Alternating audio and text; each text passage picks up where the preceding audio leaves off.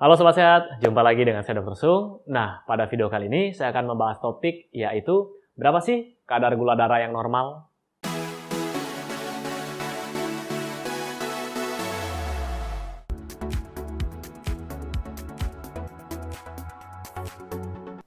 Nah, Sobat Sehat, sebelum saya membahas video ini lebih lanjut, nah saya mau menginformasikan kepada Anda semua, para subscriber dan para viewer dari SB30 Health, ini untuk pertama kalinya, tim SB30 Health akan membuat grup WhatsApp. Jadi, nanti setiap hari kami akan memberikan tips-tips untuk kesehatan.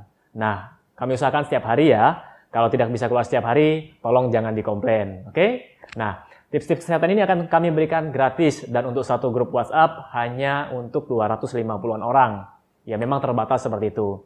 Jadi buat Anda yang benar-benar butuh, silakan klik linknya di bawah ini atau di atas ini. Ya, Anda cari Nah, silakan daftar di sana dan bergabung bersama kami di grup WhatsApp. Oke, mungkin itu saja informasi yang bisa bisa berikan di awal video ini. Kita lanjut. Ya, jadi sobat sehat, kadar gula darah kita yang normal itu dapat menunjang kinerja tubuh kita dan menjaga agar tubuh kita tetap sehat.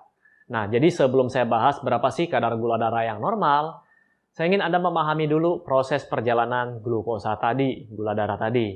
Jadi ketika kita makan karbohidrat, maka karbohidrat ini akan diubah menjadi yang lebih sederhana yang disebut dengan glukosa.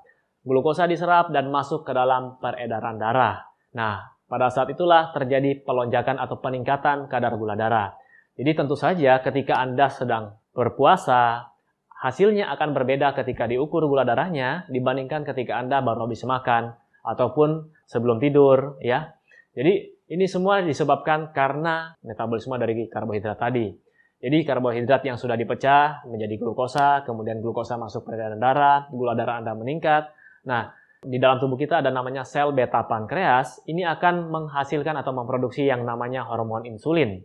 Nah, hormon insulin inilah yang akan membawa gula darah tadi atau glukosa tadi ke dalam sel. Jadi sel ini tidak bisa terbuka pintunya kalau tidak ada insulin. Jadi pada mereka yang sudah mengalami diabetes atau kita sebut dengan kencing manis, itu terjadi kerusakan pada sel beta pankreasnya. Atau sel beta pankreasnya masih bagus, insulin yang dihasilkan tidak cocok dengan reseptor pada sel.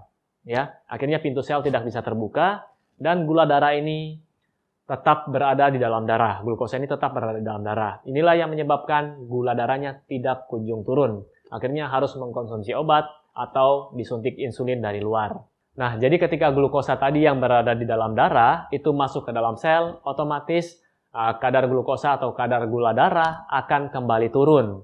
Nah, setelah masuk ke dalam sel, gula atau glukosa tadi digunakan sebagai sumber energi, ya. Lalu kelebihannya akan disimpan di dalam hati. Nah, pada saat kita kondisi di mana telat makan misalnya atau kita ke daerah yang kekurangan makanan, kita tidak mengkonsumsi makanan, itulah cadangan di hati tadilah yang disimpan dalam bentuk glikogen digunakan sebagai energi untuk tubuh kita. Tapi kalau kita menyimpan cadangan ini setiap hari dan jumlahnya berlebihan, ini akan menumpuk menjadi lemak dan juga dapat menjadi sumber penyakit. Oke, itu tadi adalah penjelasan bagaimana metabolisme karbohidrat menjadi glukosa, kemudian kadar gula kita naik, kemudian masuk ke dalam sel, dan kadar gula kembali turun. Nah, Lalu berapa kadar gula yang normal? Nah, jadi sini saya sudah buat catatan. Jadi kadar gula darah yang normal menurut WHO, nah ini ketika puasa itu 4 sampai 7 milimol per liter atau 72 sampai 126 mg per desiliter, ya. Lalu ketika malam hari, ketika mau tidur, itu kurang lebih sekitar 8 milimol per liter atau 144 mg per desiliter. Lalu gula darah sewaktu ya. Jadi normalnya 2 jam setelah makan berkisar antara 80 sampai 180 mg per desiliter. Nah, idealnya adalah 80 sampai 144 mg per desiliter. Kemudian kalau 145 sampai 179 mg per desiliter itu dikategorikan sebagai ya cukup lah.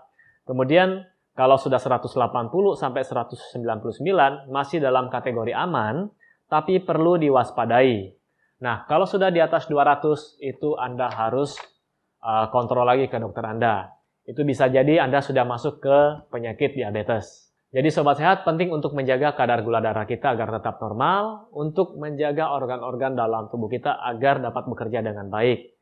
Nah, semoga informasi singkat ini bisa Anda mengerti, dan kalau Anda masih belum menghafal berapa kadar gula darah tadi, Anda bisa cek video ini kembali. Oke, sekian informasi yang dapat saya berikan, dan seperti biasa, buat Anda yang sekarang sedang mencari produk-produk yang mendukung gaya hidup sehat, silakan kunjungi boxsehat.com. Jadi boxsehat.com ini merupakan salah satu e-commerce yang menyediakan produk-produk yang mendukung gaya hidup sehat. Oke, sekian video dari saya. Sampai jumpa di video berikutnya. Salam hebat, luar biasa.